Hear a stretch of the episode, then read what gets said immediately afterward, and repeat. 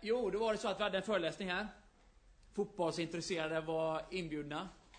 Eh, förbundskapten Erik, Erik Hamrén var här då. Hur många av er var här och lyssnade på Erik Hamrén? Det var några stycken. Då, eh, ja, det var ja, 10-15 kanske. Då, då hade han en föreläsning om ledarskap. En jättebra föreläsning. Jag minns fortfarande mycket av vad han sa. Eh, det gör man ju inte alltid annars när någon står och pratar så här. Men han, eh, med inlevelse så berättade han om vikten av att eh, lära känna spelarna och, och vara, vara en god ledare.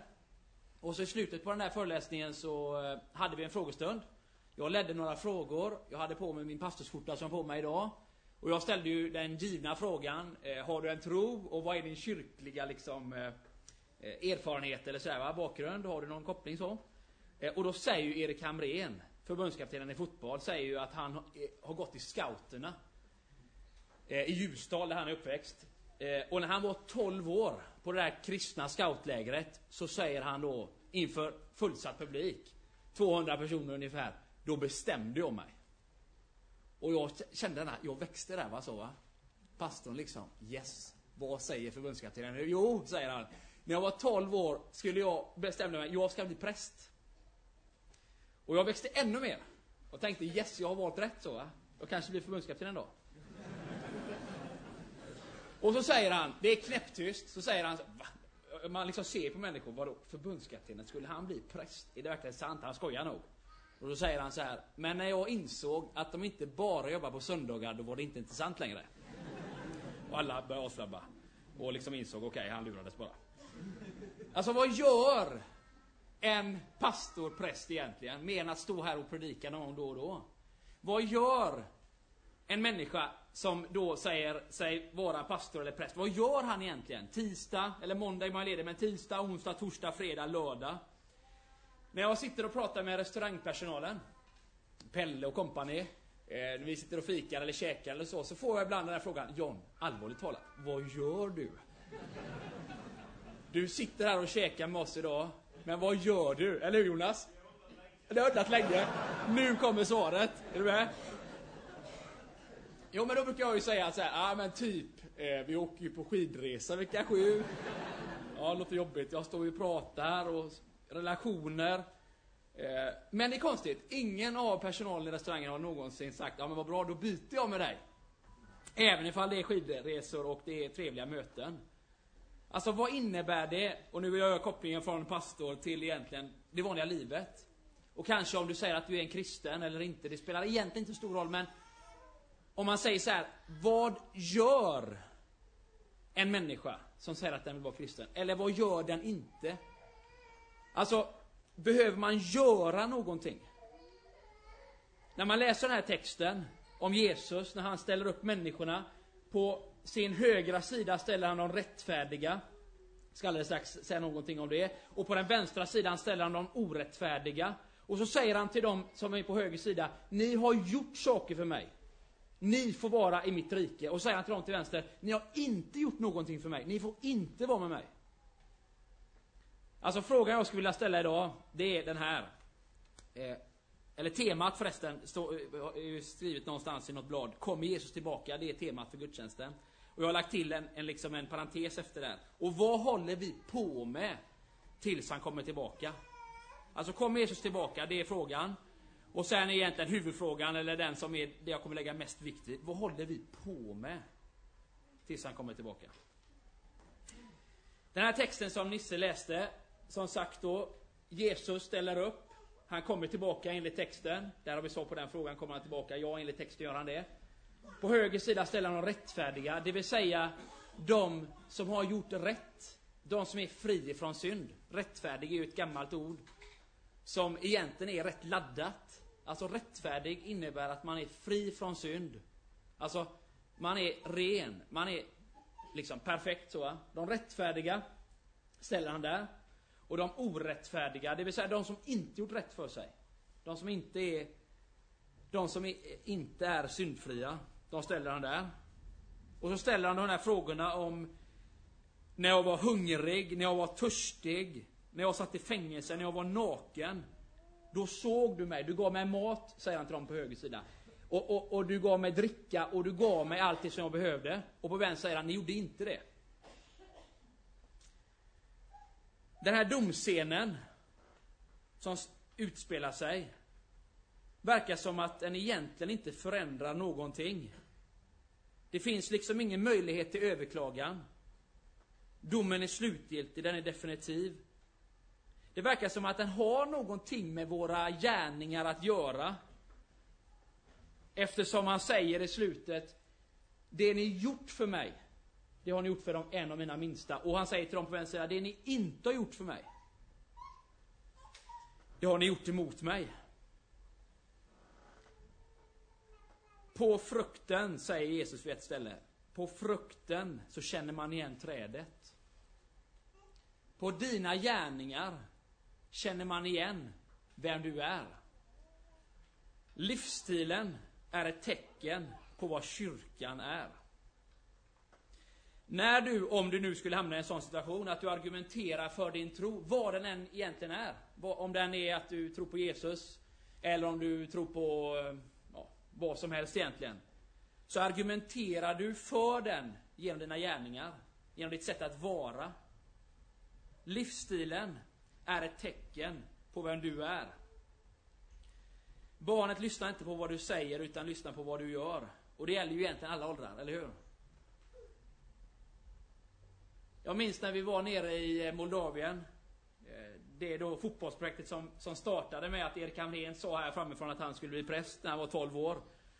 Så startade vi ju ett, ett eh, fotbollsprojekt nere i Moldavien bland fattiga barn. Europas fattigaste land. När vi var där sommaren för, eh, eh, ja, för ett år sedan drygt då. Så, eh, så var vi några stycken ifrån fjällstugan, några från Hallby som åkte ner.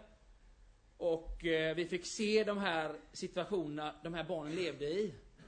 Ganska ofta social misär.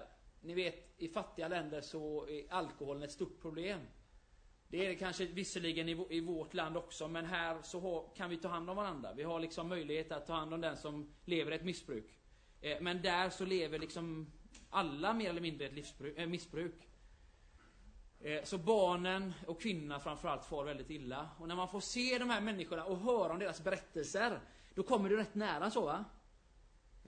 Då liksom blir det ingenting man läser i någon tidning att oh, det är hemskt där borta liksom, någonstans. Det är krig där, åh oh, vad hemskt det är. Utan man, då kommer man nära människor. Så var det en morgon en eh, bön, en morgonbön. De, det är en kristen hjälporganisation som vi samarbetar med. Och de hade en morgonbön och de frågade oss då, vill ni vara med på den? Eh, och då var det framförallt en ifrån Hallby som sa då, ja, men jag hänger med, jag är inte kristen så, men jag hänger gärna med på den, på den morgonbönen. Och jag visste inte alls hur det skulle gå till. När, men när ni kommer till ett sammanhang ni aldrig varit i, så vet man inte riktigt vad ska hända nu. Jag kan tänka mig att det är så om du kommer till en kyrka första gången, eller om det är så att du kommer till något helt annat sammanhang. Vad är det som händer? Oj, nu gjorde de så, nu var det visst den tonarten och nu säger han det på det sättet och så. Och lite den, eh, vad ska man säga, eh, nervositeten hade jag, inte minst då för min eh, okristna vän, eller man ska uttrycka det från Hallby. Då gjorde man så att man ställde sig upp. Och så bad man i munnen på varandra i fem minuter. Konstant liksom. Och jag blev rädd. Jag blev rädd själv och jag tänkte jag blir ännu mer rädd för, för min vän här från Hallby. Hjälp liksom. Nu kommer den personen att säga ni är galna i huvudet. Kan inte stå och be rakt ut i munnen på varandra i fem minuter om ingenting. Visserligen bad de på ett annat språk, så vi vet inte vad de bad om riktigt. Men det var ju liksom ändå eh, någon slags känsla av att oj, det här är jag inte riktigt van med. Så efteråt så frågade min vän. Du, hur upplevde du den bönen? Eh, och så var jag precis på väg att säga att jag själv tyckte att det var, inte obehagligt, men lite sådär, så va. Eh, och jag hinner inte säga det. Förrän den personen säger att ja, det verkar som att de får kraft genom den bönen. Eh, och jag ser ju hur de gör livsavgörande insatser. Framförallt på de här barnen. Så det är väl okej. Okay. Jag tror det är så här att när man får se hur en människa lever, då blir teorierna ganska ointressanta egentligen. När man i en argumentation möter människor som faktiskt lever ut det de tror på. Då blir liksom teorierna och att ja, men det är nog så eller det är nog så här blir ganska ointressanta. På frukten ska man känna igen trädet. Jag tänker att det finns några olika spänningsfält. Jag är egentligen van med att gå runt. Eh, så därför håller jag den så här nu då. Det finns några olika spänningsfält, tänker jag. Det ena är, eh, nu kommer två eh, kristna liksom, uttryck här då, nåd. Som betyder gratis. Det är här någonstans. Det går inte att komma längre bort. Här någonstans är en vägg så, och det går inte att komma längre bort. Nåd, att vara troende människa, att följa Jesus, det är nåd. Det spelar liksom ingen roll vad du gör alls. För Kristus har dött för dig och mig. Det är liksom en sån, man skulle kunna säga att det är en, en typ kristen sanning eller någonting sånt. Nåd, det går inte att komma längre bort här så. Allt är nåd. Och så har vi här borta, här är också någon slags eh, vägg här så va. Det går inte att komma längre bort här, här eh, tar det stopp. Och här säger Jesus så här vid ett, ett par tillfällen. Att följa mig kostar allt. Det kostar precis allting. Ja, men, men, men min bekvämlighet vill jag väl ha kvar och jag vill ändå kunna kolla på Solsidan. På sol nej, att vara kristen kostar dig allting så va. Det spänningsfältet mellan nåd där borta och här att det kostar allting. Det innebär, eller rätt sagt att leva i det spänningsfältet är att vara en kristen människa. Alltså att ta bort nåden och säga nej, vi har inte med nåden att göra utan det har med våra gärningar att göra bara. Då tappar man en viktig del. Och säger man att det bara är nåden, nej det har ingenting med hur jag lever att göra. Då har man också tappat någonting. Vem kan leva i det spänningsfältet? Det är inte så enkelt. Men jag tror att vara en kristen människa, det handlar om att inse att jag kan inte liksom förtjäna min tro, eller jag kan inte förtjäna genom mina handlingar att Gud ska älska mig. Han älskar mig. Oavsett vad jag gör. Han älskar alla människor. Det är inte så att han älskar de som råkar sitta i fjällstugan just den här söndagen. Han älskar alla människor. Han gör det 100 %. Och samtidigt så utmanar han oss 100 % att leva för andra människor. Att göra upp med vår egoism. Att göra upp med vår bekvämlighet. Det är ett spänningsfält som jag tänker. Att det kostar allting och att det är nåd. Och det andra spänningsfältet, det är väl det jag har funderat en del på när jag växte upp. Eller rätt sagt nu när jag funderar på min uppväxt ska jag säga. Eh, det är att leva i tiden, i världen, men inte av den. Jesus säger det vid något tillfälle. Lev i världen, men inte av den. Alltså man ska leva i den här världen. Man ska liksom vara med i samhället, jag tänker som kyrka. Man ska finnas med i samtalet. Man ska liksom vara med överallt. Och samtidigt så ska man inte det alls. Man ska leva i tiden. Och i världen. Här någonstans är en ytterlighet. Så. Och så ska man inte leva av den här borta. Det går inte att komma längre så. I det här spänningsfältet bör en församling finnas. Men ganska ofta så tänker vi, nej men vi ska nog inte leva i världen, vi ska nog isolera oss lite mer. Eller så tänker man, nej men vi behöver inte isolera oss utan vi är här borta. Och så lever vi bara i världen och så blir det liksom inget budskap överhuvudtaget. Jag tänker på när jag växte upp, och du kan tänka på samma sak, du som uppväxt i en, med föräldrar som är, är, är troende. Hur ofta bjöd man hem människor som inte delade tron? Hur, hur ofta gör man det idag? Lever vi våra liv som att det kristna livet är någon slags projekt. Där jag på vissa tider lever liksom på ett sätt. Och i andra stunder så kanske på jobb eller vad det nu kan vara, där är jag liksom någon annan.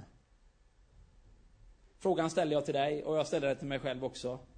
Jag ska citera en, eh, en eh, bibellärare ni får fråga efteråt vem det är. Han säger i alla fall så här, just om den här texten. En viktig iakttagelse är att texten primärt, alltså den här att Jesus ställer de rättfärdiga på höger och de orättfärdiga på vänster, är primärt att den riktar sig till den kristna kyrkan. I en predikan är det därför angeläget att betona gärningarnas betydelse som en konsekvens av tron på Kristus. Och så står det lite längre ner så här i den här kommentaren. En nära och engagerande och uppoffrande livsstil är inte längre det centrala kännetecknet på den kristna kyrkan. Istället handlar det påfallande ofta om upplevelser anpassade till var och ens individuella behov och med starka inslag av kravlös kärlek och barmhärtighet från Gud. Alltså vad är det som kännetecknar kyrkan idag? Om du skulle fråga människor i Sverige, i Jönköping, på bymarken, vad kännetecknar fjällstugan? Vad kännetecknar den kyrkan som du sitter i just nu? Om man skulle våga ha det samtalet och våga ställa den frågan till sig själv. Så skulle jag önska att man kom till ungefär, och detta kanske blir lite, jag vet inte, billigt talat i huvudet, men att man tänker så här att att följa Jesus, det är 100% nåd. Jag kan inte förtjäna det, men han utmanar mig att leva ett engagerande liv, uppoffrande liv, Gör upp med min egoism och min bekvämlighet. För att följa honom, det kostar allting. Och jag skulle önska, när du funderar på de frågorna, att du tänkte så här att vi måste leva i världen. Vi kan liksom inte spela något spel och tänka typ, ja men vi lurar folk att vi, ja men vi lever lite grann, men egentligen så gör vi ju inte det. Vi måste leva i världen. För vi är ju en del av den. Vi lever i världen.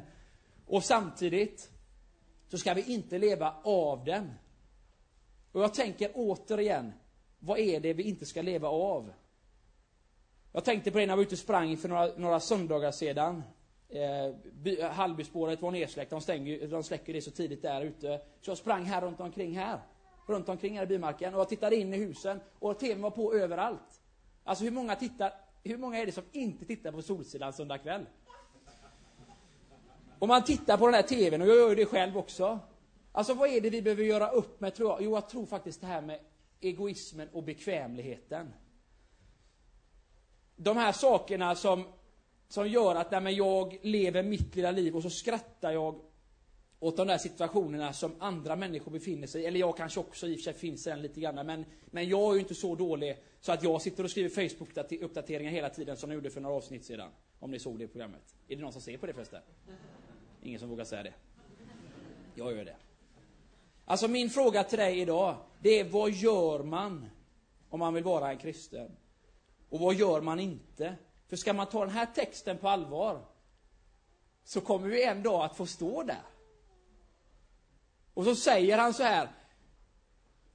Det ni gjorde mot mig när jag var hungrig. Det ni gjorde mot mig när jag var törstig. Det ni gjorde mot mig när jag satt i fängelse, var naken. Det har ni gjort mot mig. Finns det människor som sitter i fängelse? Ja, det finns det ju. Det är egentligen bara att åka dit. Är det människor som är nakna? Ja, visst. Det, är, det finns människor som inte har kläder och mat. Kanske inte är jättestora problem i vår, vårt samhälle. Men jag tänker också att man kan inte, man behöver inte bara tolka den eh, bokstavligt, man kan också tolka den, eh, vad ska man säga, symboliskt. Hur många av oss i vårt land söker inte efter mening, söker efter att bli älskade, känner sig helt utlämnade och nakna. Hur många av oss människor i vårt land och i vår stad behöver en god vän? Vad var det han sa till dig? Du, du, vad var det han sa i när du bättre välsignelsen? Du är snäll. Alltså hur många människor behöver inte en sådan människa? Titta in i ett ansikte och så ser man att han eller hon är snäll mot mig. Jag skulle vilja att du funderar på vad gör du egentligen? Vad håller du på med tills dess att Jesus kommer tillbaka? Och den frågan ställer jag lika mycket till mig själv. Ska vi be en bön? Jesus Kristus, tack att du älskar oss. Tack att du vill, vill oss väl. Att du ser in i våra ansikten med ett snällt ansikte.